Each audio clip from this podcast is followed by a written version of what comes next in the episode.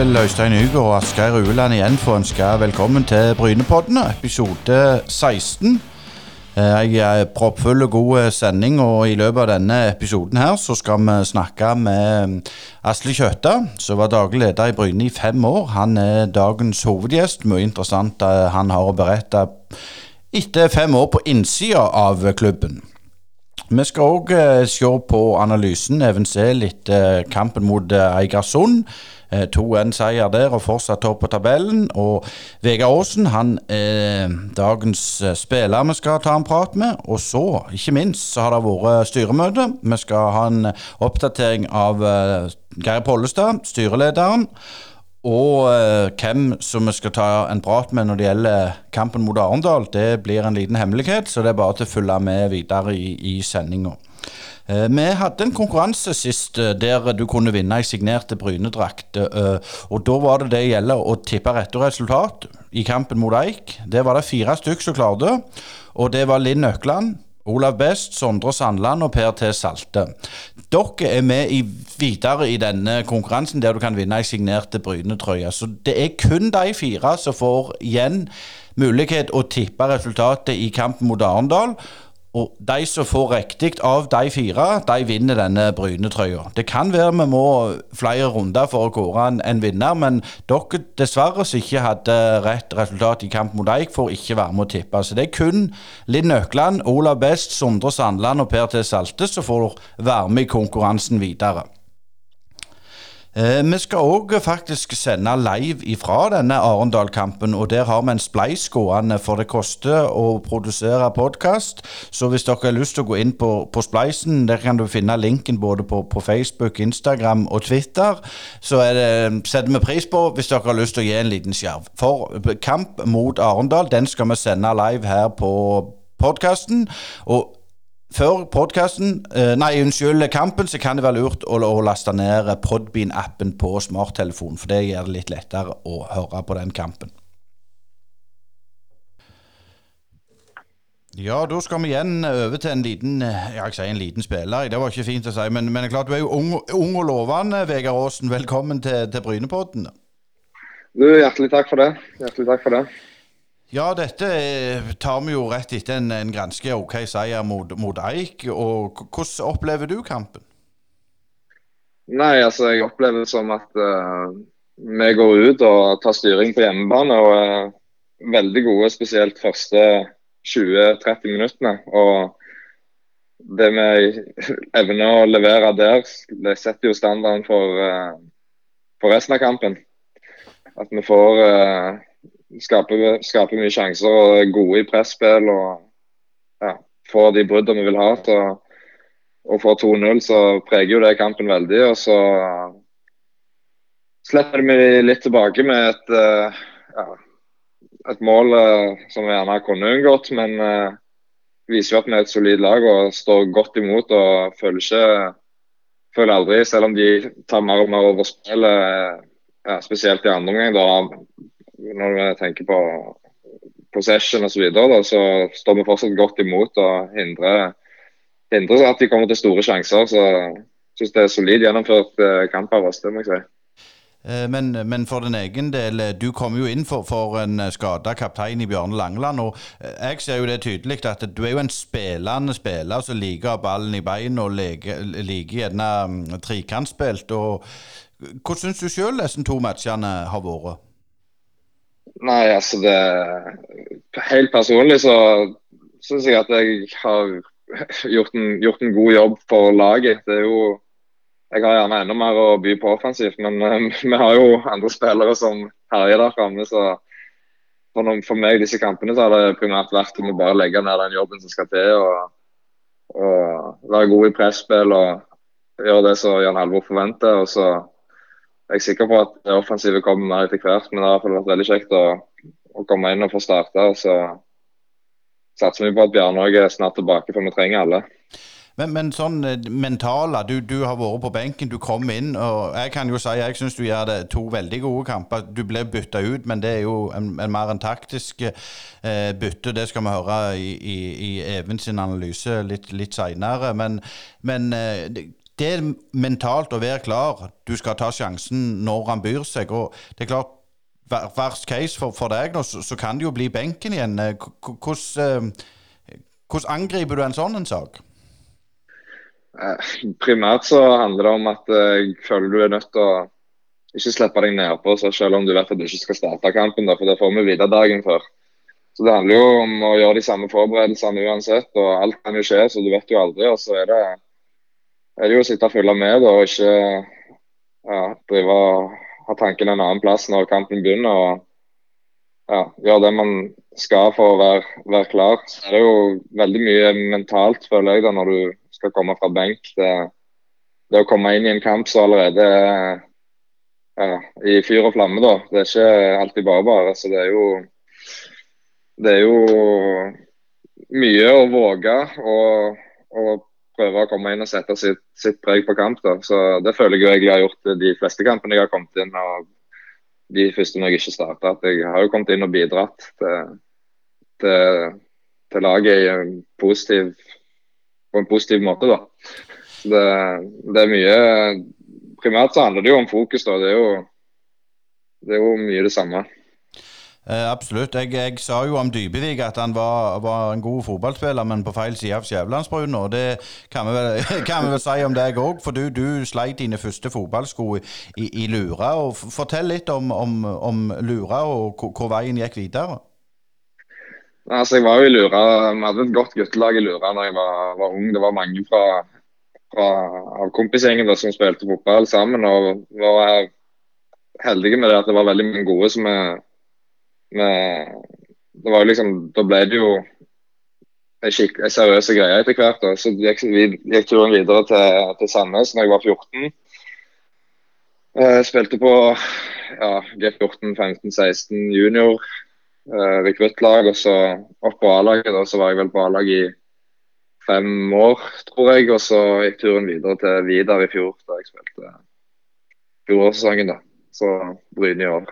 Så det, det har vært turen.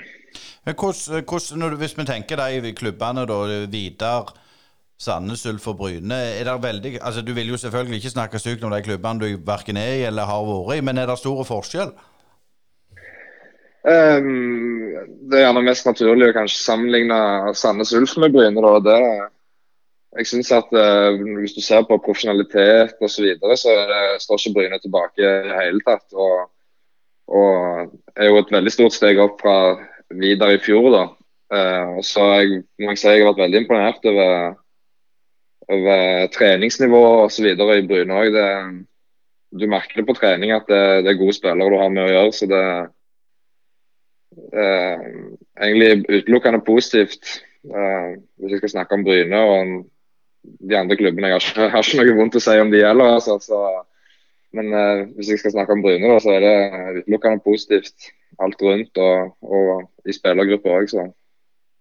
Eh, men, men helt, helt, til slutt, uh, Vegard. Dine ambisjoner på fotballbanen utover det å, å spille for Bryne? Nei, altså nå Nå har jeg jo vært og spilt i Obos før og kjent på nivået. og det det er, liksom, det er jo et naturlig steg opp etter hvert. Men uh, det å kunne spille på toppnivå i Norge er absolutt noe som jeg uh, jobber, jobber, for. Så, så, får vi se nå. Det, akkurat nå så konsentrerer jeg meg jo bare veldig om Bryne. og tenker, har ikke tenkt så veldig langt på det egentlig. Men det er jo bare å gjøre det du, det du kan da, prøve å bli så god som mulig. Så, så får vi si oss fornøyd med det. Ja, vi fortsetter sendinga i Brynepodden, og da skal vi over til analysehjørnet med deg, Even. Og vi må jo først og fremst gratulere med en god seier over Okka by. Tusen takk. Den smakte veldig godt. Eh, litt rett på uh, til kampen. Det var enormt gode 30 minutter. Og var du overraska over de første 30 at dere kom så lett til det, på en måte? Ja, litt, kanskje. Og vi fikk eh, veldig store rom i perioder. og Det klarte vi å utnytte på en strålende måte. Vi fikk noen gode kontringsmuligheter der Eik gjorde noen enkle feil. Men så gjelder det å, å ta vare på de kontringene, og det syns vi vi gjorde. Spesielt når vi får straffe der. Da er det strålende kontring der det går veldig fort framover på, på få touch. Så Jeg var ikke overraska at vi presterte godt, men vi fikk gjerne litt mer rom enn det vi hadde trodd. For ofte er det jevnt og tett og vanskelig å bryte gjennom i starten. Men vi fikk bra med rom i, i starten av kampen. og Fikk tredd opp vekt i indreløpet noen ganger. og så Spillet satt veldig godt i, starten. det gjorde det. Jeg har vært i kontakt med noen fra Egersund i etterkant, og etter som jeg forsto, så var eh, taktikken til, til, Eik å rett og slett ligge litt bakpå og vente på, på, vente på dere. Var du overrasket over den inngangen Eik hadde? Nei, det var ikke nødvendigvis. Det, de tenkte vel gjerne det at uh, vi kanskje ikke var så gode til å styre kampene. Uh, det er jo noe vi jobber hele veien med å utvikle. Vi er litt bedre og bedre. Og var bedre i denne kampen også, å styre kampene mot lag som ligger lågt. Det var ikke direkte overrasket over det, men ellers visste vi jo hvordan Eik kom. og, og vi klarte å ta det ut på en god måte, de sterke sidene Eik ikke. Det ble jo 2-0 ganske Eller, eller etter 30 minutter, var det vel. Og, og, etter det så, så blir en da presset tilbake, eller, eller, er det taktikken deres som legger seg litt tilbake? For, for jeg kom, kom, mer og mer utover i kampen. Det er en eh, kombinasjon. Jeg synes jeg de første 30 var strålende. Da tar vi kontringene, går fort framover, vi presser høyt, vinner ball tilbake. Og Det er krevende å spille sånn eller holde oppe den intensiteten over lengre tid. Så det ble jo automatisk at vi la oss litt bakpå, var litt mer lavere i press og litt mer samla. Klarte ikke stå like høyt. Og så var Eik flinkere òg til å spille i møtelåset. Vi sprekker litt opp defensivt og gir vekk litt for mye rom i, i perioder. Jeg får litt for god tid med ball utover i første omgang og en periode i andre omgang. Noe som de ikke gjorde i starten av kampen. Hvis du ser på det, hvis vi tar det litt det innslupne først, det der når, når um, Perta må få hedda. Han får jo hedda på, på blanke gulv, og det ser ut som det er en tellefeil. Hva, som skjer i, i, forkant og på den målsituasjonen? Ja, det er jeg som klarer å komme inn i, inn i mellomrommet. Så er det Partamo som løsner et skudd først, og så blir det en retur og litt klabb og babb, og så havner han ned hos Markovic. Og da klarer vi ikke å organisere oss fort nok inne i boksen. Så vi er egentlig i, i liketall der inne, tre mot tre, men allikevel så klarer de å havne to mot én på bakgrunn på Låmot. Så der må vi rett og slett bare skyve alle mann litt bakover i feltet. Så har Hei, Rogvi og Pål Aamodt hver sin uh, mann. Men uh, det skjer fort, og vi klarte ikke å handle fort nok akkurat i den situasjonen. Uh, hvis du ser på det, det, det, er sjelden at jeg tar dommeren opp som et tema, men jeg ser Bryne får vel fem gule kort. Og det er sjelden at jeg har blitt litt varm i hodet, men, men, jeg syns det var Dommeren hadde veldig ja, Hva skal vi si uh, Han var streng. Ja, han uh, la seg på en låg list, og det var noen billige frispark. Jeg syns han var konsekvent, iallfall sånn sett, begge veier med frisparker at han tok de billige begge veier. Men eh, ja, at vi fikk fem gule og Eik ingen, det var jo ikke helt riktig. Men så er det hva han gir på. Vi hadde noen spontanreaksjoner av våre spillere. Vi mente at det var feil frispark, så det kan være det der han gir gult på. Men ja, han var, var litt streng. Så det var egentlig finspilt i kamp. At han da sitter igjen med fem gule, det er litt merkelig, ja. Nei, Det var litt inngang til neste spørsmål, for jeg føler jo det var en snill kamp. altså, De siste kampene har jo vært litt mer krig, så det var jo Jeg, jeg var litt skuffa over Egersund, at de ikke på en måte det betydde mer. Hva er din erfaring med, med, med å ha prata med litt Eik-folk, og, og, og, jeg vet du har snakket litt med midtsidene i etterkant. Hva, sier de? Nei, de hadde jo håpet at det skulle trykkes til litt mer de er litt snille i enkelte dueller, tror jeg. Så, vi vinner mange 50-50-dueller og jobber knallhardt. Vinner mange viktige dueller. Det skal vi også vise til, til spillerne før uh, Areballkampen. og at Der ligger lista nå vi satt standarden i, i duellspill og det fanger opp andre baller. Det var bra for oss. da. Så kanskje jeg snakker for mye om Eik og hva de tenker. Hvordan de er evaluert, det, det er jeg ikke helt sikker på. men uh, det var ikke så mye temperatur og stygge taklinger og, og munnbruk som det gjerne pleier å være. Det var det ikke. Hvis vi ser litt inn mot Arendal-kampen, eh, hvordan ser det ut på, på skadesida? Uh, ja, Oliver Rotehaug han er tilbake på feltet i hvert fall, og jogger litt rundt og holder på litt med ball, men han er ikke helt klar ennå. Bjarne Langeland er, er usikker. Han eh, så positivt ut mot men så fikk han en liten reaksjon. Så Det er nok ikke sikkert han blir klar. Men iallfall håper vi er klar til, til Solstad-kampen. Uh, ellers er Petter Østeng han var jo ikke med mot Eik. Han har vært syk. Han er i, i, framgang. Så håper at han blir frisk nok til å være med til, til lørdagen mot Arendal. Og Etter jeg forsto, så reiser dere ned dagen før og, og ligger på hotell, så, så, alt skal ligge til rette for, for en, en god match? Det skal det absolutt. Vi trener på stadion fredag klokka tolv, og så får vi oss noe mat her. Og så setter vi oss i bussen sørover en plass fredagskveld. Da får vi gode forberedelser. Det kunne helt sikkert gått fint å reise på kampdager òg, men det er litt i grenseland med, med antall timer i buss der. Så vi, vi velger å reise dagen før. Så det, Da får vi sove godt og, sove litt frampå, få nok søvn og få oss en god frokost. og Gå oss en tur på kampdag og lade godt opp. Eh, jeg var innom ei trening i uka og så så jeg at det var noe som ligna på sånn en uh, drone på et stativ. Eh, hva i all verden var det for noe? Ja, det er mange som lurer på hva det er for noe. Det er en eh, grønn boks høyt oppe stativ, ja, så rett og slett eh, et slags kamera.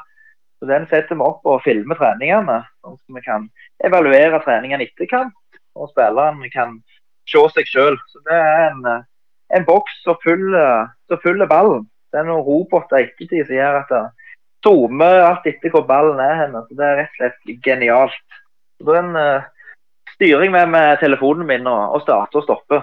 Den funker strålende. Da får vi filme så å si hver økt. Det er, også, er viktig i, i, det at vi skal utvikle oss og bli bedre. Det er en del av det. Så da går dere inn etterpå og viser uh, ulike situasjoner og lærer ifra, rett og slett fra trening òg, ikke bare kamp? Ja, vi er mest fokus på kampene hengende av og til treningene. Men vi, vi legger ut linken til, til treninga på videoen, og så kan spillerne gå inn og kikke sjøl. Det er noen som av og til kommer gjerne og vil diskutere noen situasjoner fra treninga. Men det er mest fokus med, med analysen fra kampene som vi viser til, til spillerne i plenum. Ja, Da har vi fått storfint eh, besøk i studio av eh, i Brynepodden. Og velkommen, Asle Kjøtta. Ja, og takk for det. Takk for det er gildt å være her. Uh, det, er noen måneder siden, du slutta som daglig leder i, i Bryne. og jeg, jeg ser, Det ser ut som du, som du trives, han sa.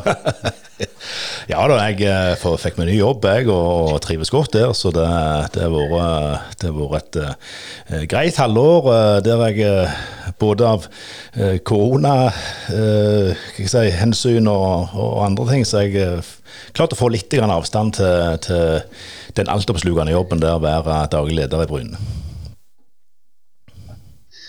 Ja, eh, da melder jeg meg på her. og For lytteren så må vi kanskje si at eh, meg og Asle jobbet i lag i et drygt halvår i 2008 i Jærplanet. Rett nok i forskjellige avdelinger, eh, men det vi hadde mest til felles om den tida, det var jo Liverpool. Og Liverpool har jo gjort det bra i år, Asle. Ja, Det har vært et fantastisk år og en fantastisk sesong. Og, og, endelig et lag som spiller virkelig god fotball. og det, Etter 30 lange og tunge år så var det eh, herlig å få, få, få det ligagullet. Eh, om det skjedde på en litt spesiell måte, så, så var det, det veldig deilig. Men nå snakker du jo eh, jærsk, og folk kan jo tro at du har eh, bodd på Kjøtta Main hele livet, men det har du ikke. Du har eh, vært vekke i lang tid. og og hatt en karriere i Forsvaret. Men, men når du kom hjem da, havna du fort inn i fotballen?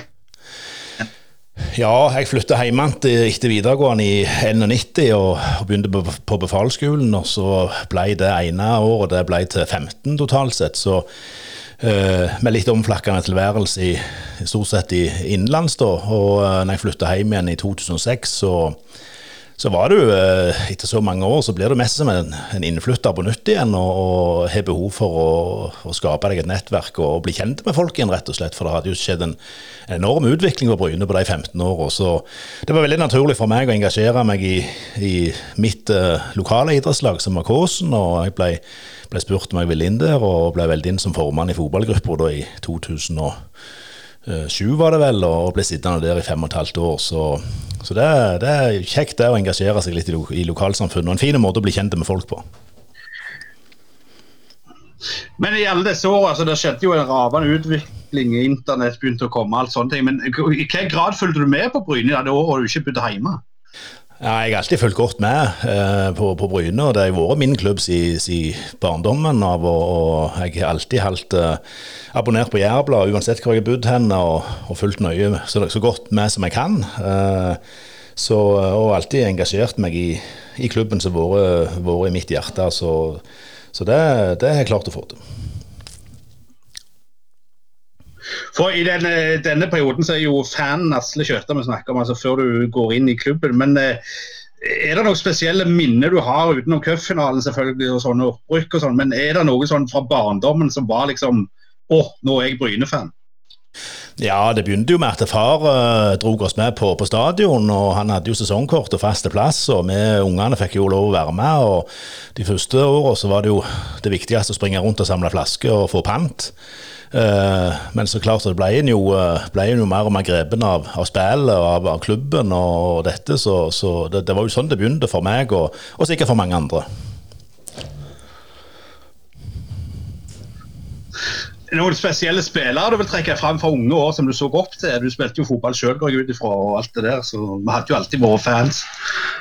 Nei, det er klart. Det er jo, eh, det er jo Gabriel og Arne Larsen og den gjengen der som, som vel er de liksom første på da, mot slutten av 80-tallet.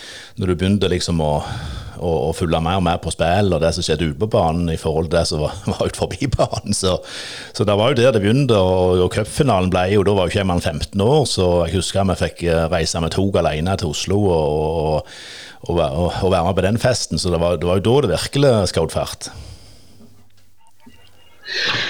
Ja, men hva tror du skjedde der? Altså, året etterpå, 1988, så, så kommer jo nedrykket og si, begynnelsen på, på en ny tid på Bryne. Eh, sånn, sånn eh, Sett utenfra, altså, hva tror du gikk galt sånn utover 90-tallet? Sånn? Hva var det som ikke funka på den tida, sånn, bare sånn eh, etter de oppfatning?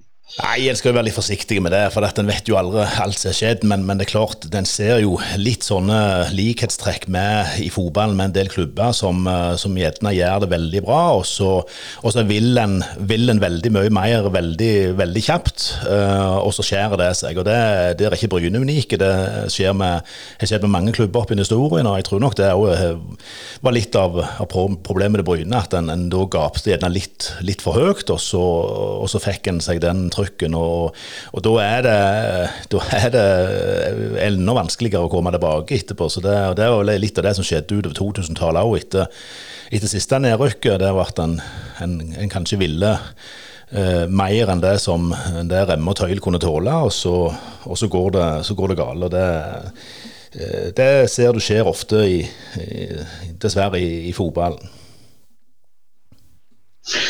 Skal vi si, ta deg med til 2014, altså sånn røftlig etter sesongslutt 2014. Eh, du jobber i Nordsjø Media, har vært der snart sju år. Eh, hva er det som gjør at du tenker at nå skal jeg gå inn og bli daglig leder i Bryne etter alle disse årene?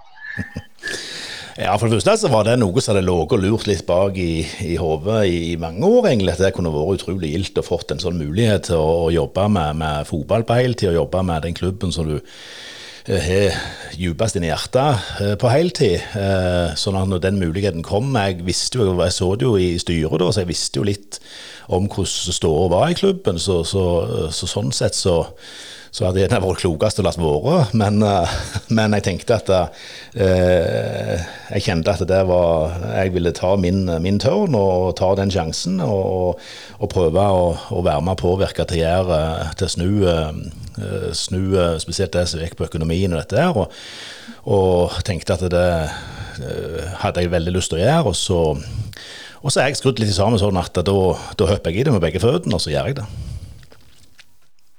Eh, var det noe som overraska deg, selv om du hadde vært i styret, når du, når du, begynte å komme inn på kontoret i januar der i 2015 og begynte å få litt eh, kontroll på ting og sånn? Hva, hva, var det største overraskende som møtte deg?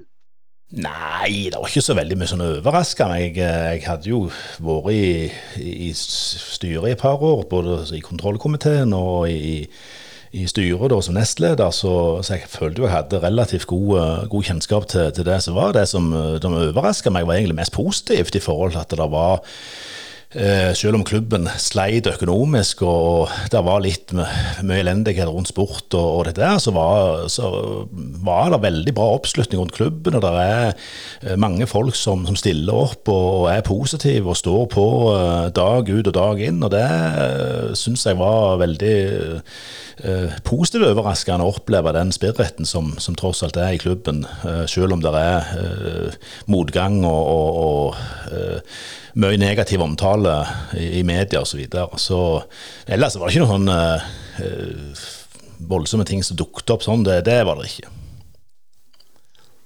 Så, det, var ikke så mye, det var ikke så mye spøkelse i skapet, med andre ord?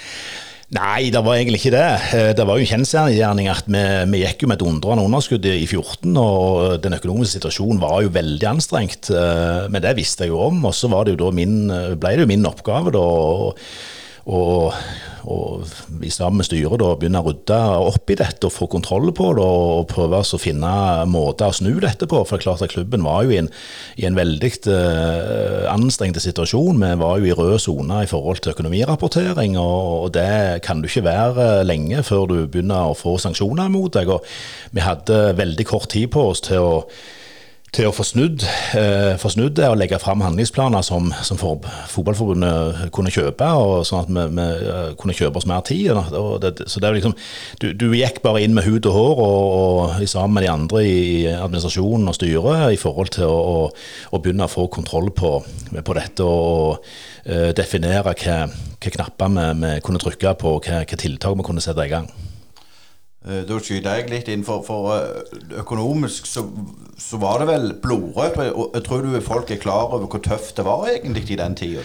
Nei, det tror jeg ikke. Eh, for det er klart at vi brukte ikke veldig mye tid på, på å flagge det ut. Det gjorde vi ikke. Det, det, var, det, var, veldig viktig for oss å prøve å holde dette internt i klubben. og og prøve, prøve heller å få ut så mye positive historier vi kunne. For det handler mye om omdømme, men det er klart at situasjonen var veldig anstrengt. Det skal jeg ikke legge skjul på. med eh, jeg, jeg lyver ikke hvis jeg, jeg, sier det, at de første par årene så brukte jeg eh, ja, 70-80 av arbeidstida til å jobbe med økonomien for å, for å, få, eh, for å få, det på, på stell. Det er klart at det, det, er krevende. Det krever mye av, av, meg som leder, men det krever mye av hele organisasjonen. Og, og, det preger selvsagt en klubb og organisasjonen til, til, en viss grad, selv om vi, vi klarte å holde eh, hva jeg si, eh, de på sport de jobber med, med sport, og, og, og, så jobber jeg med administrasjon med, med, de andre tingene. Men det er klart at det, det, preger, det preger, hverdagen. Det, det, gjør det. Eh, hvis du ser etterpå nå, så, så regner for pengene, så var han ikke langt ifra konkurs, faktisk. Nei, det er klart at uh, det, kunne, det kunne endt med det hvis vi ikke hadde satt i gang en del tiltak og gjort de grepene som vi gjorde. Så kunne det blitt en konsekvens. Det, det kunne det. Og jeg tror jo at uh, eh, si, resultatet av det ville blitt eh, atskillig verre enn en, eh, det nedrykket vi fikk eh, et år etterpå, eller halvannet år etterpå. Det, det er jeg helt sikker på. Men hvor mye tror du det sliter på en altså Selvfølgelig sliter på en organisasjon når, når, det er knallhardt økonomisk, men sånn når du har fått litt på avstand, hvor mye tror du det sliter på organisasjonen? Nei, det sliter nok ofte mer enn det, du, enn det, du, er klar over. For det er klart når du kommer inn i situasjoner, det gjelder alle bedrifter, der, der du må inn og, og, og kutte kostnader og, og, si opp folk og, redusere organisasjonen, så, så, er det klart det blir mer arbeid på de som er igjen, og det, blir, det skaper en usikkerhet internt i forhold til, til, til, Det er jo arbeidsplasser vi snakker om, og det er mennesker vi snakker om. Så, så, så uh, selv om jeg føler, følte at vi, vi, klarte å gjøre det på en, på en ryddig og, og, god måte, og det gikk relativt uh, fredelig for seg, så, så er det klart det preger nok alltid organisasjonen og folk og mer enn det du, enn det du tror. Det tror jeg. Eh, men, men, du nevnte en, en plan. Da, da regner jeg med du er inne på litt på den, på den femårsplanen. og, og, og den ble jo på en måte ja, hva skal vi si, misforstått? Går det an å si det? ja, det, det, vet jeg ikke, men vi, vi må gjerne ta litt uh, selvkritikk på måten, uh, måten en kommuniserer dette ut på. Det er, ikke, det ikke vanlig for, for, for bedrift og, og, en fotballklubb å, å ha strategiske planer og ha langtidsplaner. Det, det er jo veldig naturlig, og de, de, aller fleste har jo det. Du lager jo mål for, for året, og du lager langsiktige strategiske mål, og det, det ønsker vi å gjøre. Eh, i forhold til å stake ut en, en klar og og tydelig kurs i forhold til både hvor vi ønska å komme hen, men også i forhold til hva som var viktig for oss å jobbe med og, prioritere eh, i åra som, som, skulle komme. Og Det eh, tror jeg er et arbeid som, som var viktig, og jeg tror det er et arbeid som, som en fortsetter med i klubben. Eh, sånn også. Og så var nok kanskje vi litt for lite flinke å kommunisere det ut på en, eh, på en litt mer elegante måte, kan man nok si. Ja, jeg føler jo liksom Jeg tenker jo nå, nå er du jo gammel militærmann. altså Jeg tenker jo eh, å skjule dine kort for fienden og, og heller lure fienden. altså Når du flagger så offensiv plan, så, så, er det jo lett at motstanderen blir gira opp eh, før neste kamp. At de der Bryne de skal vi iallfall slå, for de skal jo opp i, i Eliteserien. Ja, du har nok helt rett i det. Asger. Jeg tror, jeg tror ikke bare motstander, men jeg tror at, eh, jeg tror at janteloven òg slår litt inn eh, lokalt. Jeg tror, at, eh, jeg tror ikke det er alle som, det er alle som tåler like godt eh, at en, en, flagger den type ambisjoner og, og sånn, eh, dessverre. Og så blir det litt sånn harselering og litt humor ut av det, og så, eh, og så blir nok resultatet av det da litt, litt, annerledes enn det som, som vi hadde både trodd og håpet. Men, men men eh, hele hensikten var jo å lage oss og prøve å stake ut en kurs og ha noe positivt å jobbe etter og ha eh, noe veldig tydelig å sikte etter. Og så, eh, og så eh, ble, ble, det kanskje litt sånn misforstått utad. Nå, nå er jo jeg Jærbuen framstilt i sånn populære framstilling som en sånn hardtarbeidende stein på stein-type som kanskje passer til en annen tid. I dag er det kanskje mye mer at de fineste traktorene står på hver gard og skal iallfall ha finere utstyr enn naboen. Eh, hva tror du årsaken er til at Bryne i så mange ganger, det er iallfall tre ganger jeg kan huske i farten der de har rota det til økonomisk. Altså, hva er det som gjør at det skjer gang etter gang etter gang? Jeg tror uh jeg tror det er veldig sammensatt. og Det, det, det, det er nok litt vanskelig å gi et, veldig, et kort og konkret svar på det. For, men, men, jeg tror at det, handler om eh, både eh, at det blir litt mangel på kontinuitet. At det blir eh, ofte i en fotballklubb eh, så blir det litt for stor grad av utskifting av nøkkelpersoner. Og så tror jeg det handler litt om at det er eh, kanskje en del krefter som vil mer enn det eh, klubben sine rammebetingelser kan tåle. Eh, og så kan det òg være et utslag av at det, det i enkelte tilfeller sitter eh, folk eh, som kanskje ikke som, som, som, som, trykker på og presser på, og så, og så slipper en å sitte og ta for mye ansvar for ting i ettertid, når det går galt. Uh, men som sagt, en skal være litt forsiktig for det, en, en, uten å vite alt som er skjedd. Men, men uh, det er nok litt av, av hovedårsakene til at, det, at det ofte går, går galt med, med, klubber. Og det er, ikke, ikke uten grunn at f.eks. Sarpsborg 08, når de starta sin knallharde satsing herrene for noen år siden, og, sånn, så, så, så, var de veldig bevisst fra starten av at økonomi var pri N i forhold til, til prioriteter og satsingsområder, og det de det de holdt fast med hele veien. Så ingenting kan rokke med det. Uh, og Det tror jeg er en, en god tomlefingerregel når du driver en, en, fotballklubb. Så må du prøve å tenke eh, tilsvarende som du driver en vanlig bedrift. At du, du skal drive sunt økonomisk. For det er, det er hovedbærebjelken i forhold til, til langsiktig resultat og langsiktig suksess. Det er at du klarer å, å styre deg, rett og slett. Begge to begynte jo å gå på Bryne stadion sånn på 80-tallet. og Iallfall ble fotballbevisste i de, de, årene når Bryne virkelig var delvis det beste laget i Rogaland, og, og iallfall en god nummer to. Eh, når du kom inn i Bryne, så var jo Bryne sånn eh, ja, pluss-minus, hvis du regner med Haugesund, Ulf, Viking. Eh, kanskje tre-fire. Altså, I hvilken grad har folk ikke fått med seg det der skiftet som har skjedd i, i Rogalandsfotballen de årene?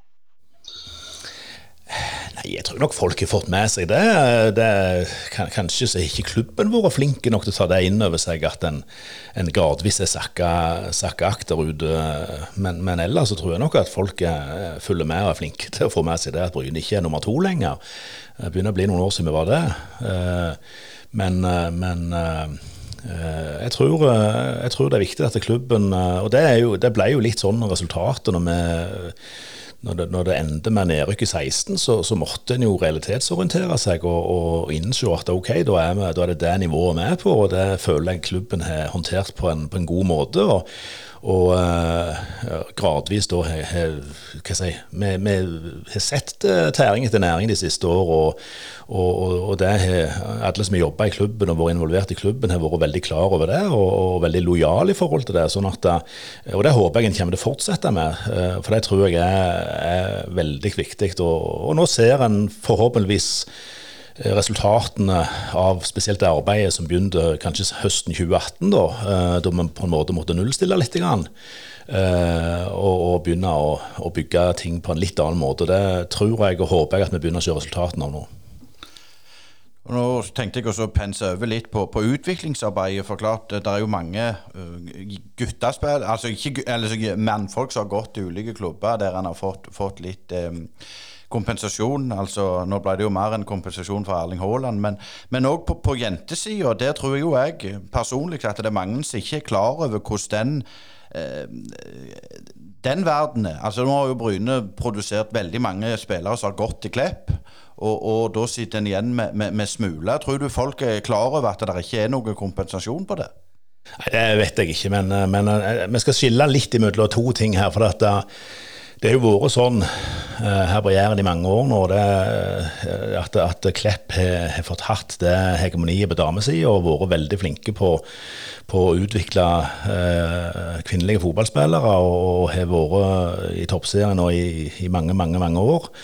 og Jeg tror personlig det har vært veldig klokt at Klepp har fått hatt den, den rollen. Eh, og så er det jo sånn at eh, det er helt rett som du sier, det er jo ikke noen kompensasjonsordninger per i dag eh, på lik linje som det er i herrefotballen, som gjør at du i prinsippet kan utvikle verdens beste damespiller uten å tjene ei krone på det. det. det. er jo litt dumt at det er sånn, og, og det vet jeg jo at det er krefter som jobber med for, for, for å endre i, i framtida. Det håper jeg jo kommer til å skje, sånn at det er mulig da å å kunne ha det som en del av forretningsmodellen i, i, i, en fotballklubb. Det er å utvikle gode kvinnelige fotballspillere og kunne da eh, tjene noen kroner på, på det i neste omgang.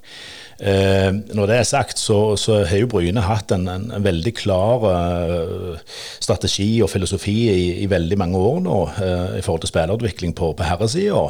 Uh, og, og, og det, det, er jo grunnen til at en klarer å få fram såpass mange gode og store talent. Eh, som igjen da eh, gjør at en kan, kan eh, profitere på det. Og Det er jo en, en, viktig del av forretningsideen til en, til en toppfotballklubb og en utviklingsklubb. Det er å, å, være veldig bevisste på det. Og det har Bryne vært. Bevisst prioriterte. Selv når økonomien var så dårlig som den var, og selv etter nedrykket i 16, så har klubben klart å prioritere ressurser på spillerutvikling på, på, på gutta sine sida. Eh, og det håper jeg inderlig at klubben kommer til å fortsette med å prioritere, for, for det ser en, eh, ser en resultat av. Og så er det sånn da at en dette er jo skrudd sammen av mange ting, men, men uh, en er først og fremst dyktige i klubben i forhold til å få fram gode fotballspillere. Så er en litt heldig i forhold til at det er, det er et miljø på Bryne som gjør at det er mange unge fotballspillere som vil mye, og som er villige til å legge ned det det det koster og det det kreves for å bli virkelig gode. og så, er, også klubben vært dyktig i forhold til at den er klar klart å, å eh, profitere på dette i, til slutt, da, i forhold til å, å få, uh, penger og, sånn for en god del spillere de siste årene. Det, det er utrolig viktig for, for, hele forretningsmodellen til klubben, og det håper jeg, det håper jeg vil, vil fortsette, og at klubben vil være tydelige på det framover. Og over til noe ennå som ikke er så, så, kjekt, sånn litt personlig, Asle. For det er klart, nå har du på en måte blitt finifisert Det var litt vanskelig ord, der, men du forstår hva jeg mener med, med, med, at det har gått nedover. Det har, det har blitt snakket om, om Kjøtta-klanen, du har fått pes i sosiale medier. Og, og, hvor mye har du på en måte fått med deg av kall all den driten som har kommet opp? Nei, det er klart at du, du, du får jo med deg litt. og du, du som, som, leder og klubbleder og menneske som lever i disse moderne tider, så, så følger en jo litt med på, på både medier sosiale medier, sånn at ikke du unngår det. Men samtidig så visste jeg at det kom til å bli en del av jobben da jeg tok den i, i 2015. Så, så, det var jeg for så vidt forberedt på. Uh, så klart at du av og til så kjenner du litt på no, Noe er sikkert fortjent, men, men, du kjenner jo litt på av og til at noe er ufortjent, og noe er under beltet.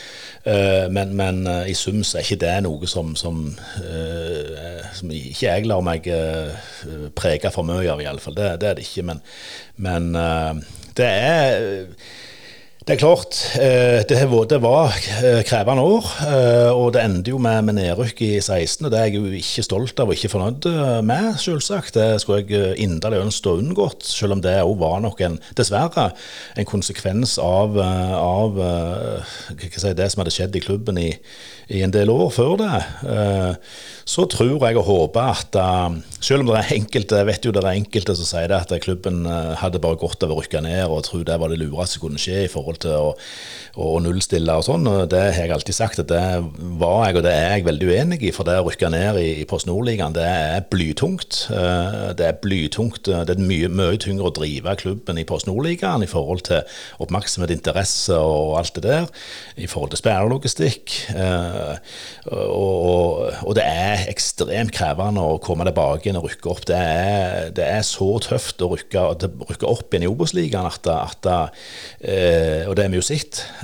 Sånn at eh, de som sier det, de, har ikke fulgt veldig godt med, eller godt nok med i timen, for å si det sånn. Så, men, men, men, OK, vi, vi gjorde det, og, og, men nå føler jeg at vi, klubben er Vi begynner å se resultat og fruktene av, av, spesielt det som, som, er gjort nå de siste par år. og jeg koser meg skikkelig med, med de gode resultatene vi har og håper virkelig at dette skal stå stå hele veien inn. Ja, jeg så deg jo på plass i Randaberghallen i februar, Asle. Og du, du, har jo ikke gått og gjemt deg iallfall etter at du slutta i klubben. Men eh, jeg har lyst til å gå litt inn på det der med, med trenerskiftet. Altså de prosessene rundt det. Ikke nødvendigvis eh, sånn, men altså eh, Begynner det med muring blant fansen eh, som forplanter seg til media, som kom inn i kontoret til deg og Nils Steinsland? Altså, hvordan er denne prosessen? Når er dere begynner å tenke at nå må vi kanskje begynne å si etter en ny mann? Altså, hva er det som er på en måte det røde lyset, eller det som blinker i horisonten? Tid begynner den prosessen der? Nei, det er, ikke noe, det er ikke noe veldig klar fasit på det, for alle de sakene lever jo egentlig sitt eget liv. Eh, fotballtrenere er, fotball, det å være fotballtrener på toppnivå er et utsatt yrke. Det tror jeg alle som jobber i den bransjen eh, er klar over. Uh, og, og som, som, trener så har du i utgangspunktet det si, hovedansvaret for uh, det sportslige produktet. Uh, og, og, så er det mange faktorer som påvirker sånne ting. Jeg, jeg må jo si det at det, det, er noen av de vanskeligste sakene jeg har vært med håndtert i løpet av de årene. Det er de trenerskiftene som, som, som vi måtte ta.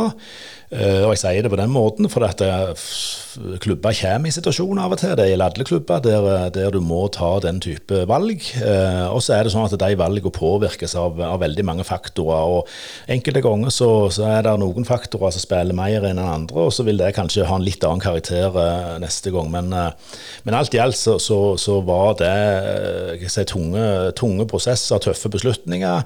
Eh, samtidig som at jeg er veldig fornøyd med og stolt av at vi klarte å gjøre det på en, eh, på en ryddig og skikkelig måte, og, og, og, med respekt for hverandre, uh, uten å få noe verken uh, rettssak eller, eller dårlige uh, saker mot klubben i så måte. Så, så det, det, er jeg jo fornøyd med, tross alt. Men det er aldri gildt å, å, å måtte skille, skille vei med, med, med, trenere som en tross alt jobber tett i lag med og, og har et godt forhold til.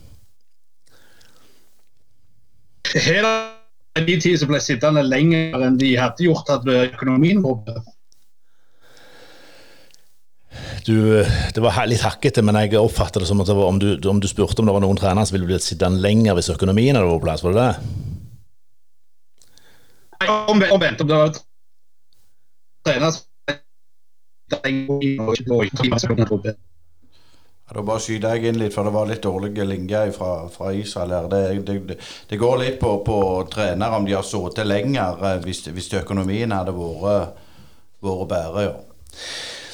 Eh, disse valgene som iallfall jeg har vært med og, og tatt, de har utelukkende vært basert på, på sport. Dvs. Si sportsutvikling og sportslige resultat.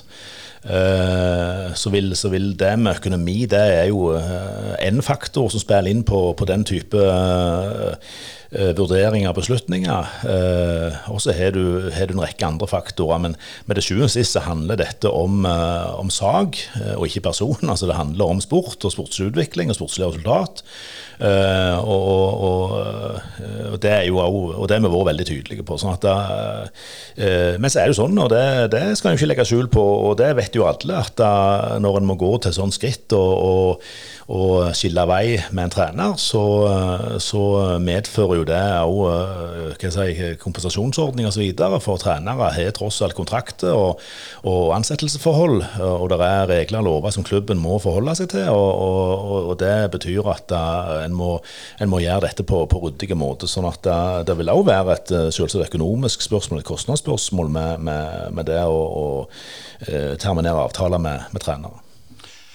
Eh, hvor mye var du i grunnen involvert i det sportslige når du var leder? Ja, det er det mange.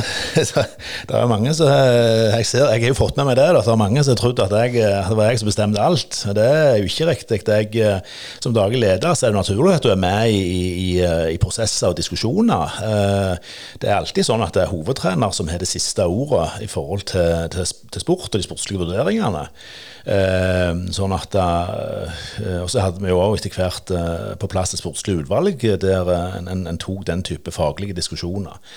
Eh, men treneren er, treneren er, alltid den som har det siste ordet i forhold til f.eks. For spillerlogistikk. Og det, det, sier seg mest sjøl. For dette, eh, når, det er bestemt og en er blitt enige om en måte en skal spille fotball på, så er det treneren sin, sin oppgave, det er treneren sitt ansvar eh, å, å bygge, bygge, lag og bygge troppen på en så god måte som mulig i forhold til å, å, å få dette til. Og Da er det helt naturlig at det, at det er treneren som har det siste avgjørende ordet i forhold til, til det. Og Sånn har det vært hele veien. mens jeg har vært der, og, og sånn kommer det sikkert til å, å forbli òg.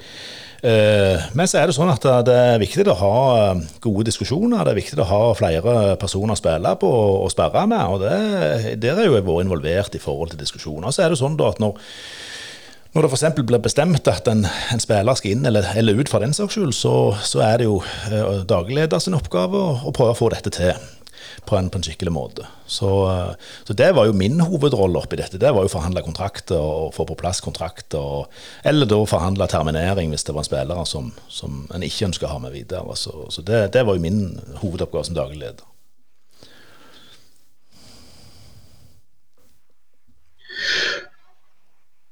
Hva er det vi ikke vet fra de fem årene som Asle satt som leder i Bryne FK? Er det noe som du har lyst til å fortelle som vi ikke er klar over? Nei, det, det, er ikke det er, Jeg tror ikke det er så mye som, som en ikke vet, som jeg, som jeg, ikke har lyst til å fortelle. Det er klart det er alltid ting uh, i en klubb og, og sånn som en, som, som en, må uh, og skal holde internt. Uh, det, det, er det, men, men ellers tror jeg vi har vært relativt åpne og inkluderende i forhold til, til sånne ting. Så jeg ikke noe, ikke noe som kommer på umiddelbart som jeg, som jeg brenner inne med. Nei, det er det ikke. Men jeg tenkte litt, det, det, det, på en måte ditt forhold til, til, til, til lokalmedia. Du har jobbet der sjøl og sånn. Sånn i ettertid, var det ødeleggende for, for, for, både deg og klubben? For, for det var jo mye grums en stund der. Nei, det vet jeg ikke, men jeg eh, Det, det skal jeg vet ikke om jeg har så mye mening om det, men det er klart jeg kan jo, generelt sett så kan jeg jo si det at jeg, jeg er litt overgitt og litt skuffa over lokalpressen og lokalmedia eh, sin håndtering av, av eh, Bryne fotballklubb eh, de siste åra spesielt. Jeg, eh, det går ikke på meg som person nødvendigvis, for det bryr meg ikke så mye om. Men jeg, jeg syns jo at eh, en viktig rolle til lokalmedia det er jo å, å være med å bygge lokalsamfunnet. altså Bygge lokalsamfunnet positivt. Eh, få fram fram gode, positive historier som gjør at folk syns det er eh, kjekt å, å, både lese, og, og, ikke minst at det skaper en positivitet. Så forstår jeg jo at, at lokalmedia, lokalpresse, skal jo være kritiske og stille kritiske spørsmål, det, det er jo en viktig rolle. Men, men jeg syns nok det at eh, lokalpressen her på Bryne har en vei å gå nå i forhold til å være mer eh, byggende og mer positive i forhold til, til en del ting. Og, og, og, og de, de, vet jo som regel òg mer om ståa internt i klubben og, sånn enn en den menige mann, og da bør en òg, eh, hva skal jeg si uh, ha det litt i mente. Når en, eh, når en, jeg, jeg syns det blir litt, uh, litt, for ofte litt for mange negative vinklinger. Til og med når, når ting går bra, så ser en at en, en prøver å gjøre forsøk på å skape, uh, skape og skape tabloid, en tabloid kontekst. så er nok dessverre det jo litt av litt av uh, si, konsekvensen av nettaviser og, og klikkorthet, for å si det sånn. Uh, sånn at, men, men, men, alt i alt så tror jeg at det er en, det er litt, en liten vei å gå uh, for, for lokalmedier. Når du har fått det litt på avstand, det er jo ikke så lenge siden, men hva, er du mest stolt av i, i den perioden du, du hadde i Bryne? Ja, det er mye jeg er veldig stolt av. Jeg, jeg er veldig stolt av at vi klarte sammen å, å snu eh, situasjonen, den økonomiske situasjonen. Eh, det var et hovedmandat eh, som jeg fikk av styret da jeg begynte. Uh, og det brukte vi et par år på, på å gjøre, uh, noe som var i tråd med, med de målene vi satte oss. Uh, så det er jeg veldig stolt av. Og så hører jeg jo òg at det er noen som sier at det, det er pga. penger fra Erling Haaland og sånn, men, men, det er jo sånn at spillerutvikling og spillersalg, som jeg var inne på i stad, det er jo òg en, en, en, viktig del av forretningsplanen til, til, klubben, og, og, en viktig del av næringskjeden i fotballen. sånn at en, en innretter jo da økonomien litt i forhold til det. Ehm, og hadde vi ikke fått til det, så måtte vi prioritert helt annerledes. Eh, som jo jeg vet Nils òg har vært inne på tidligere i denne poden. Og, og, og, da er det ikke sikkert at klubben hadde sett ut sånn som den gjør i dag, eh, for å si det sånn. Eh, så det er jeg stolt av. Jeg er stolt av at vi til tross for nedrykket i 16, så har vi klart å Uh, klarte vi å holde en, en, eh, et positivt trøkk. Uh, vi klarte å, å holde, holde satsinga på, på, et godt nivå. I forhold til å, da, å komme tilbake inn i toppfotballen. For det er krevende. Det er utrolig krevende øvelse å, å, gjøre det. Og det er nok av eksempler på klubber som, som ikke klarer det. Eh, så jeg håper jo inderlig nå at, at den, eh, den, lille si, startfarten som klubben har fått inn i, inn mot det arbeidet, at den kan flyte videre på det. Det, det håper jeg jo. At, ja. Eh, men nevner òg litt sånn sponsornettverk. Altså, det har jo har vel òg steget under de ti tross, tross nedrykket? Ja, og det er klart det er jeg er veldig stolt av at vi, vi fikk til. Vi, vi, har alltid hatt på Bryne et, et stort og sterkt og lojalt uh, nettverk av samarbeidspartnere.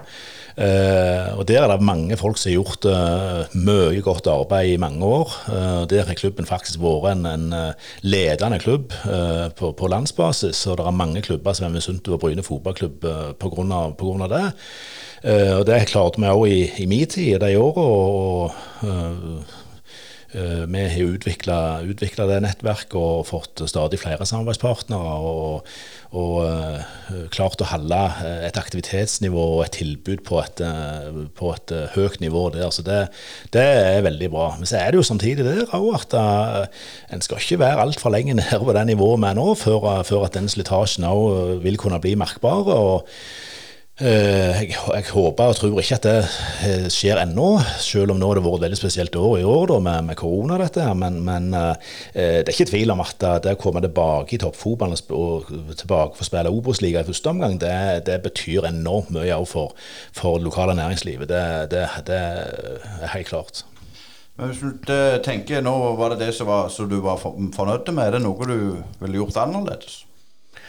Ja, det er det helt sikkert. Jeg, eh, jeg er ikke skrudd i sammen sånn at jeg ser meg eh, så mye tilbake i forhold til det. En tar jo lærdom av feil en gjør, selvsagt. Og, og, det er helt sikkert ting vi kunne gjort uh, annerledes. Samtidig så var det jo sånn at vi var, vi var ganske bundet på armer og føtter. Uh, spesielt de første årene mine så, så var det ingen handlefrihet. Det, det handla egentlig kun om å begrense eh, underskudd og jobbe med å snu økonomien. Så, så, så det eh, Men så er det jo, Det er klart, det er ting en ville, ville vært foruten. Og så, så kan jeg, det kan jeg gjerne holde litt for meg sjøl, tror jeg. Eh, men jeg, jeg, skal prøve å fiske litt ut av deg. For det er klart, sånn som nå leser vi jo at nå er klubben blitt så åpen igjen. Og lukter du klubben?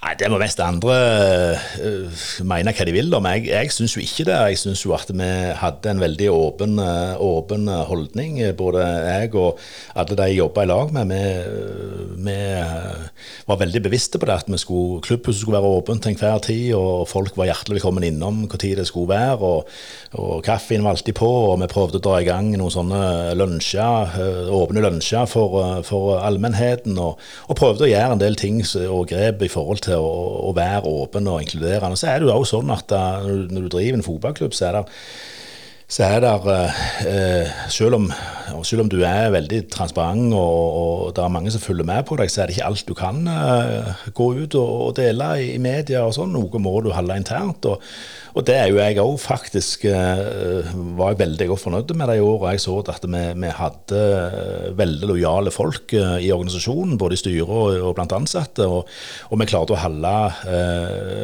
det, det, som skulle holdes internt på huset, det, det ble inter, holdt internt på huset. og det, det, er jeg veldig godt fornøyd med. Men jeg, jeg føler ikke personlig at jeg bidro til å lukke klubben. Det, gjør jeg ikke. Og hvis noen mener det, så, så skulle jeg gjerne hatt en, en, en drøs om det, hva, hva, hva det går i. Helt til slutt, Asle. Har du, du, snakket med nye styreleder og nye daglig leder eh, nå etter de begynte? Å ja, ja. Det har jeg gjort flere ganger. Jeg, eh, Knut Ove hadde jeg jo uh, mye kontakt med, spesielt i begynnelsen med. Eh, i overlappingen. Og Geir har jeg snakket med to-tre ganger etter han ble valgt som styreleder. og jeg, eh, jeg, prøver å være innom trening av og til og se, og prøver, jeg har god kontakt med, med mange i klubben eh, ennå. Så jeg, jeg, følger godt med og snakker godt med, med de aller fleste både i og rundt klubben. så det og det syns jeg er bra, jeg syns det er godt, jeg syns det er viktig. Og, og, jeg har alltid vært Bryne-patriot, og det kommer jeg til å fortsette å være. Jeg kommer til å gå på stadion, jeg kommer til å gå på kamper. Og, og jeg har tatt min vakt og, og, fått til noe, og, ikke fått til noe annet. Så det, sånn er det bare. Men, men, alt i alt så har jeg ikke noe å skjemmes av, føler jeg, og jeg kommer til å følge klubben tett i eh, året som kommer. Tips for denne sesongen? Jeg tror eh, det ser veldig godt ut. Jeg, jeg tror vi, eh, Det er tidlig ennå, vi skal være veldig forsiktige. Det er jo det som er litt av problemet ofte, at en, en tar av litt for fort. Men jeg ser det fundamentet som en eh, har klart å begynne å bygge nå siden høsten 2018, det begynner å, begynner å bære frukter. Og nå har en, eh, til tross for at en er på, på det nivået en er, så, har en klart å få tak i nå heldigvis eh, spillere som passer godt inn i rollene, med stor bredde i troppen. Jeg tror vi kanskje har den sterkeste troppen i, i vår avdeling. Så det ser veldig godt ut, og det er entusiasme. Og jeg unner alle, spesielt spillere og trenere, trener, så unner jeg å få kjenne på den følelsen det nå er å være i flytsonen, og, og, kjenne på litt suksess og kjenne hvordan det smaker. Så, så hvis en klarer å nå være flinke med, og det vet jeg Jan Halvor, det, det er jo det som er fordelen med å få inn en, en ringrev som Jan Halvor, som har vært med på så mye før, det er at, at han har den evnen til å holde folk på jorda og, og fokusere inn mot Bare avbryte deg der, for det var vel, eh, du var vel på, på post når, når, han ble signert? Ja da, jeg var det, og, og vi hadde gode diskusjoner med sportslig utvalg uh, i den prosessen prosessen der, og vi gjorde et grundig arbeid. Uh, og jeg syns jo at vi, vi, var både dyktige og heldige som klarte å få uh, en kapasitet som Jan Halvor inn. Og jeg tror det var helt riktig for klubben på, på, i den situasjonen vi var i da. Uh, Jan Halvor er en merittert trener. Han har lang erfaring. Han har vært med på på, på mye i fotballen. Eh, og ikke minst han har vært med på en del opprykk og vet hva som kreves, og vet så, hvor godt det er. Eh, og, vet, og Det er derfor jeg sier at jeg tror han er den beste personen og beste treneren vi kunne hatt nå i forhold til å, å holde omgivelsene litt i sjakk, og holde spillerne i sjakk, og, og ha fokus på, på neste kamp. Uh, det er kun det som betyr noe. Altså, du er ikke bare en, uh, en neste kamp. Uh, så enkelt er det. Og skal du rykke opp, så må du nå i år, da, så blir det litt spesielt, men her må du altså være du må være best de 13 første rundene, og så må du være best gjennom kvaliken. og det blir beinhardt. men jeg tror vi har Eh, alle forutsetninger for å kunne lykkes i år. Og jeg eh, heller en, eh, en knapp på at dette går veien.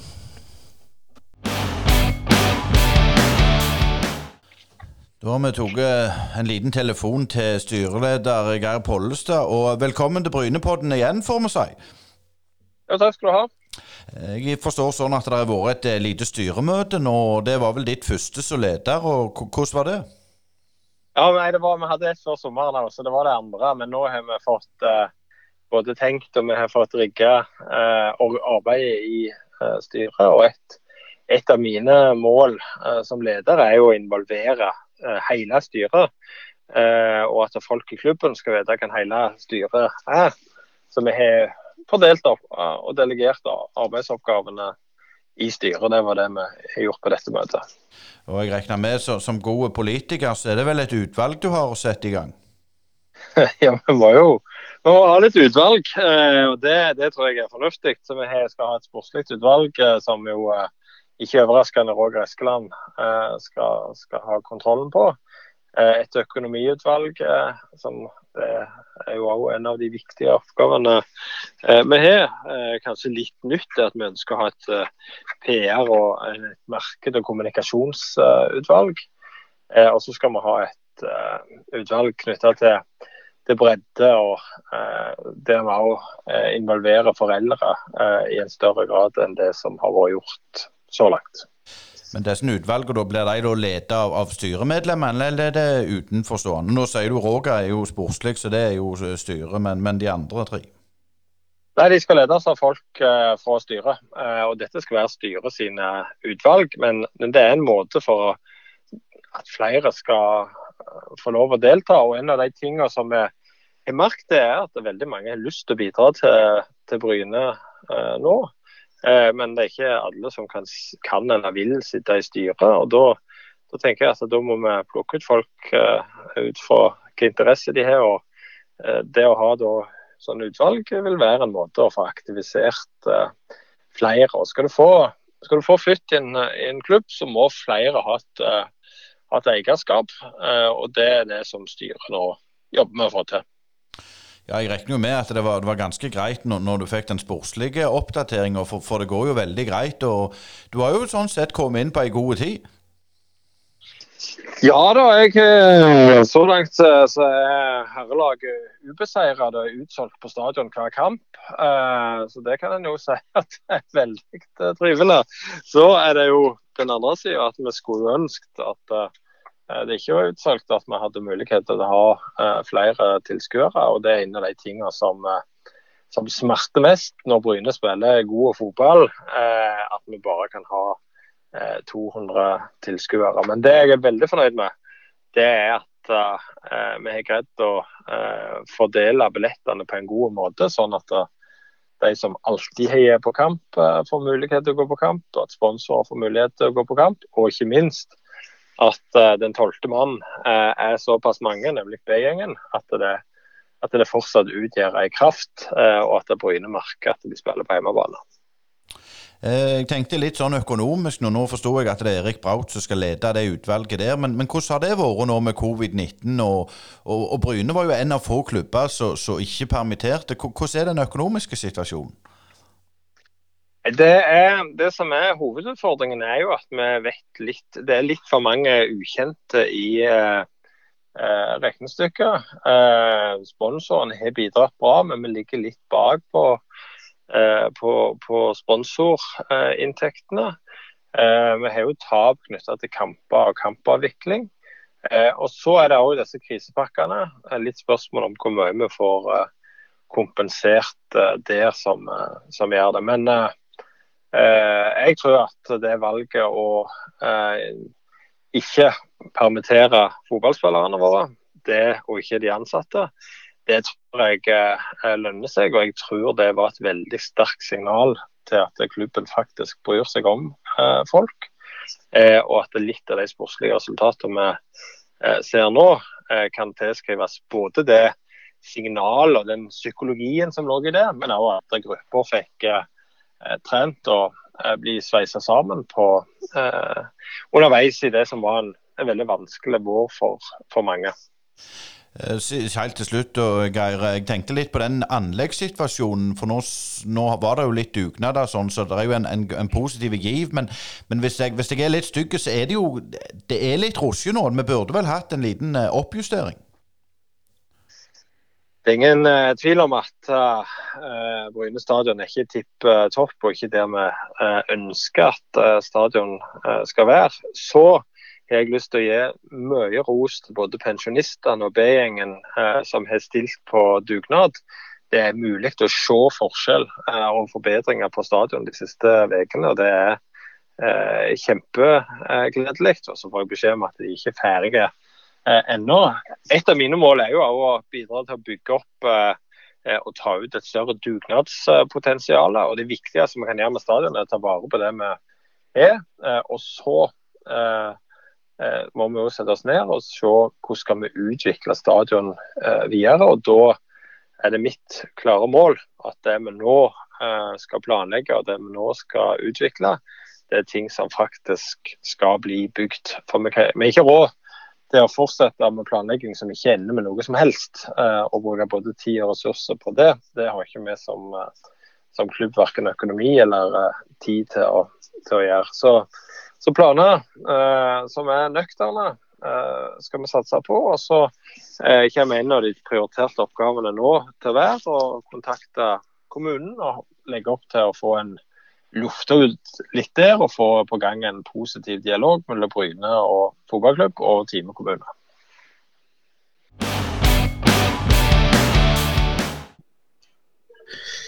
Ja, da har vi med oss Steinar Petersen, trener i Arendal. Og et kjent fotballnavn på Sørlandet og utover sånn.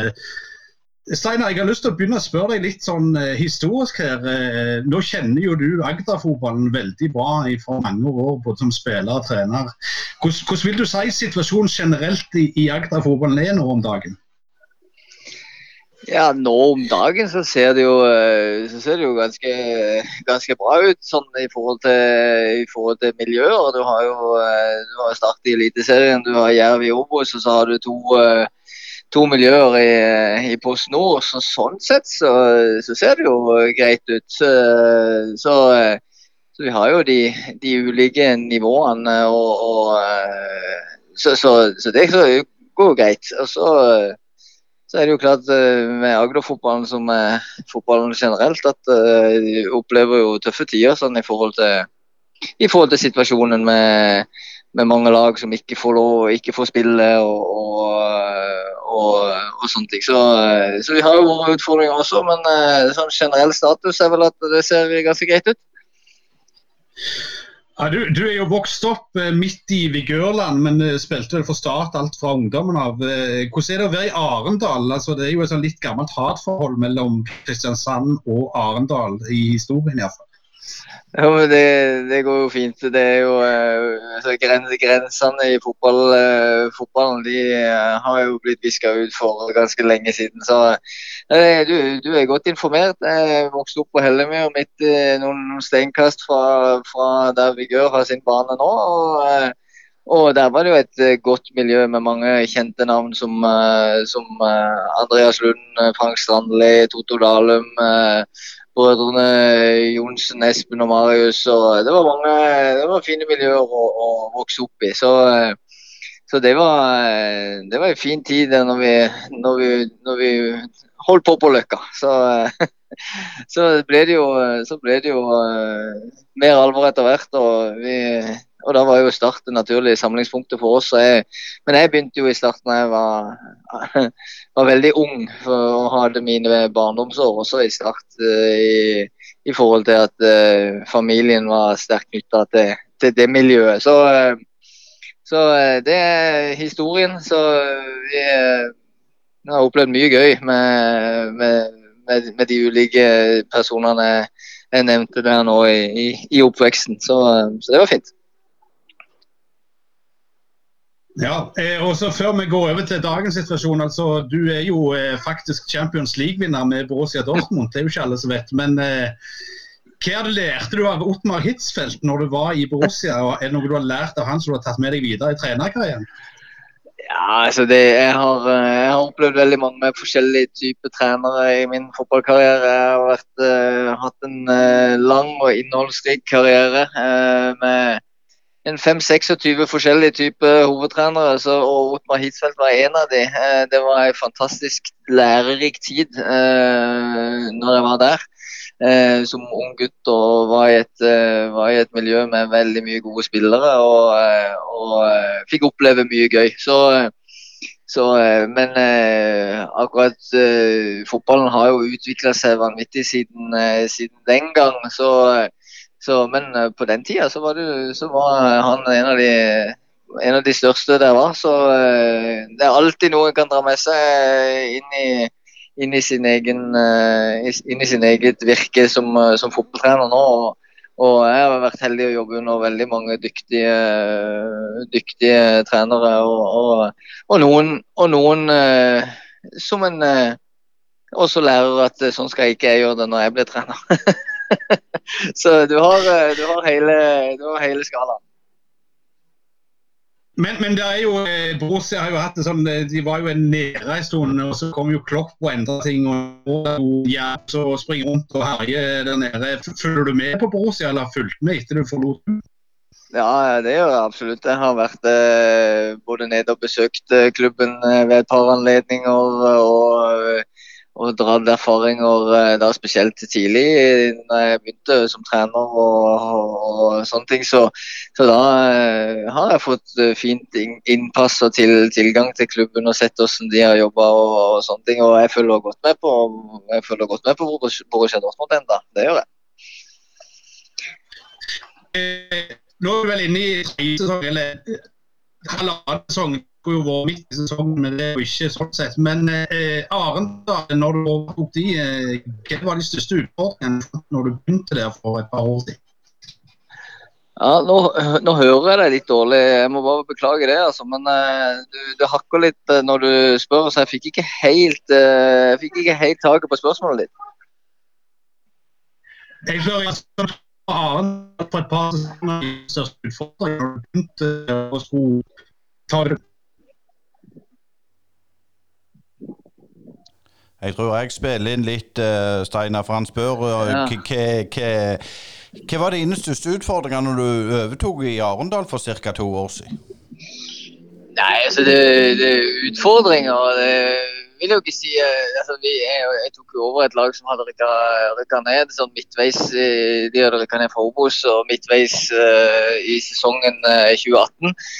Uh, det, da hadde de jo kommet litt dårlig i gang eh, og, og, eh, og, gjorde en endring. Og, vi, og, da var det jo på mange måter å, å få den gjengen på, på vinnersporet og eh, begynne å ta poeng og vinne kamper. Det var jo det som var, som var, som var hoved, hovedmålet. Eh, og så kom vi godt i gang, og så avslutta vi den, den 2018-sesongen eh, skralt. og så så handler det om uh, det vi driver med, handler om å bygge lag, bygge kultur, bygge, bygge strategier som gjør at uh, du, du, tar steg. Uh, vi gjorde mye endringer mellom 18 og 19. og, og hadde en veldig variabel 19-sesong. Det vil altså si at vi, vi, begynte veldig svakt og hadde en svak periode på sommeren. utover det så så presterte vi liksom eh, Når vi var gode og hadde flyten, så, så tok vi godt med poeng. Men eh, i sum så ble det for dårlig, og da det, endte vi opp med en eh, sånn resultatmessig skuffende sjetteplass. Men, eh, eh men eh, innenfor årets sesong da, så, så, handler det om å bygge videre på det vi begynte på i, i, i fjor. og eh, og uh, få inn uh, riktige typer uh, som er med og drar kulturen i den retningen som, som en ønsker. Og, og, det har jo på mange måter sett Vi hadde en fin vinter fram til, til, det ble full stopp. og, og og kom godt i gang i år. Så har vi jo så har vi jo dessverre da gått på to knepne tap nå de siste to matchene, som i kamper som vi, uh, som vi burde ha tatt med oss mer. men sånn er fotballen. vi, vi, vi, var, godt fornøyd med starten, og så, så ønsker vi selvfølgelig å tilbake på vinnersporet så, så fort som overhodet mulig, og da aller helst til lørdag allerede. Ja, du nevner du har gått på to smeller. Men, men sånn eh, skadesituasjon Nå så jeg en, en spiller så, som jeg kjenner godt, Avni Pepa, var ute. og, og Hvordan ser det ut i forhold til, til lørdagens kamp? Nei, altså vi, vi, ser uh, Vi har de aller fleste skadefrie og fine, vi. Han du nevner der, er jo riktignok ute og har vært ute i lang tid. Han har jo ikke spilt fotball på på, eh, på, veldig lenge. Så uh, han sliter med noen noe nakkeproblemer som, uh, som, som, ikke ser ut til å bli helt bra. Og han har jo ikke vært i gang i hele år. Så, så utover det så, så, er det, så, er det, noe sånn smårusk. men ikke vi, skal, vi, har de aller fleste tilgjengelig til, til match på lørdag. Det er jo en liten link der til Bryne. Omar spilte jo i Bryne, og så er det jo eh, sønnen til cupmester Børre Mindset som du har i, i stallen. Ja. Ja, hvordan, ser, hvordan ser Børre sin sønn ut? Ja, Håvard er en veldig fin, uh, fin gutt. Bra spiller. Har jo veldig store styrker i forhold til det fysiske, løpskapasitet og, og fart. Og, så Håvard har glidd veldig godt inn i vårt miljø. Og så, eh, og så venter han på sine, sine sjanser og sitt eh, sånn gjennombrudd hos oss i forhold til å, å starte matcher og, og, og få den få den eh, kampsituasjonen fra uke til uke. Så, eh, men vi har, vi har, bra konkurranse på, på plassene, vi. Så, men Håvard er, en, Håvard er en fin tilvekst i vår gruppe som, som kom i fjor sommer. Og, og og Omar, som vi henta før sesongen, eh, eh, kom jo godt i gang. Og så hadde han, litt, eh, han hatt litt sånn trøbbel med, med litt muskulære ting som har, som har gjort at for et par uker siden var litt sånn ut og inn. Så vi håper at Omar finner tilbake til, til der han var i starten av sesongen og, og er klar til å bidra. Helt til slutt, Steinar Pedersen. Hvilken kamp forventer du på lørdag? Nei, Jeg forventer en uh, veldig tett og jevn uh, toppkamp. Uh, Bryne har Bryne har sett solide ut og, og, har bikka de kampene som har vært jevne i sin favør.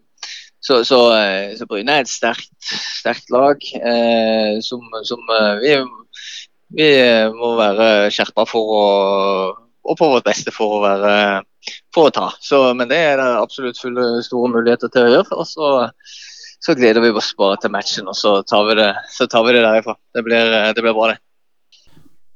Ja, Da ebber ebbe episode 16 av Brynepoddene ut. Og Asker, det, det går unna? Ja, det går unna. Og det går live. Nå på lørdag så skal du på tur. Eh, hva skal vi gjøre da? Nei, Da skal vi rett og slett sende kampen eh, Arendal-Bryne direkte her på podkasten. Og mm, da skal vi teste ut et konsept, så det gleder vi oss veldig til. Så må vi òg nevne at vi har en spleis gående, som du finner på Instagram og Facebook. Hvis du vil støtte denne turen der, og støtte oss litt i podkasten, for det koster å drive podkast. Men som sagt, live fra Arendal. For, for, så vil jeg forslaget å laste ned Podbean-appen, så er vi allerede klar på lørdag. Og Det gleder vi oss voldelig til. Eh, jeg blir med fra langt vekk i stedet, eh, men eh, som, som jeg skal love, gi dere det beste mulige sendinga fra den kampen. Som nok vil stake ut kursen litt for de kommende ukene.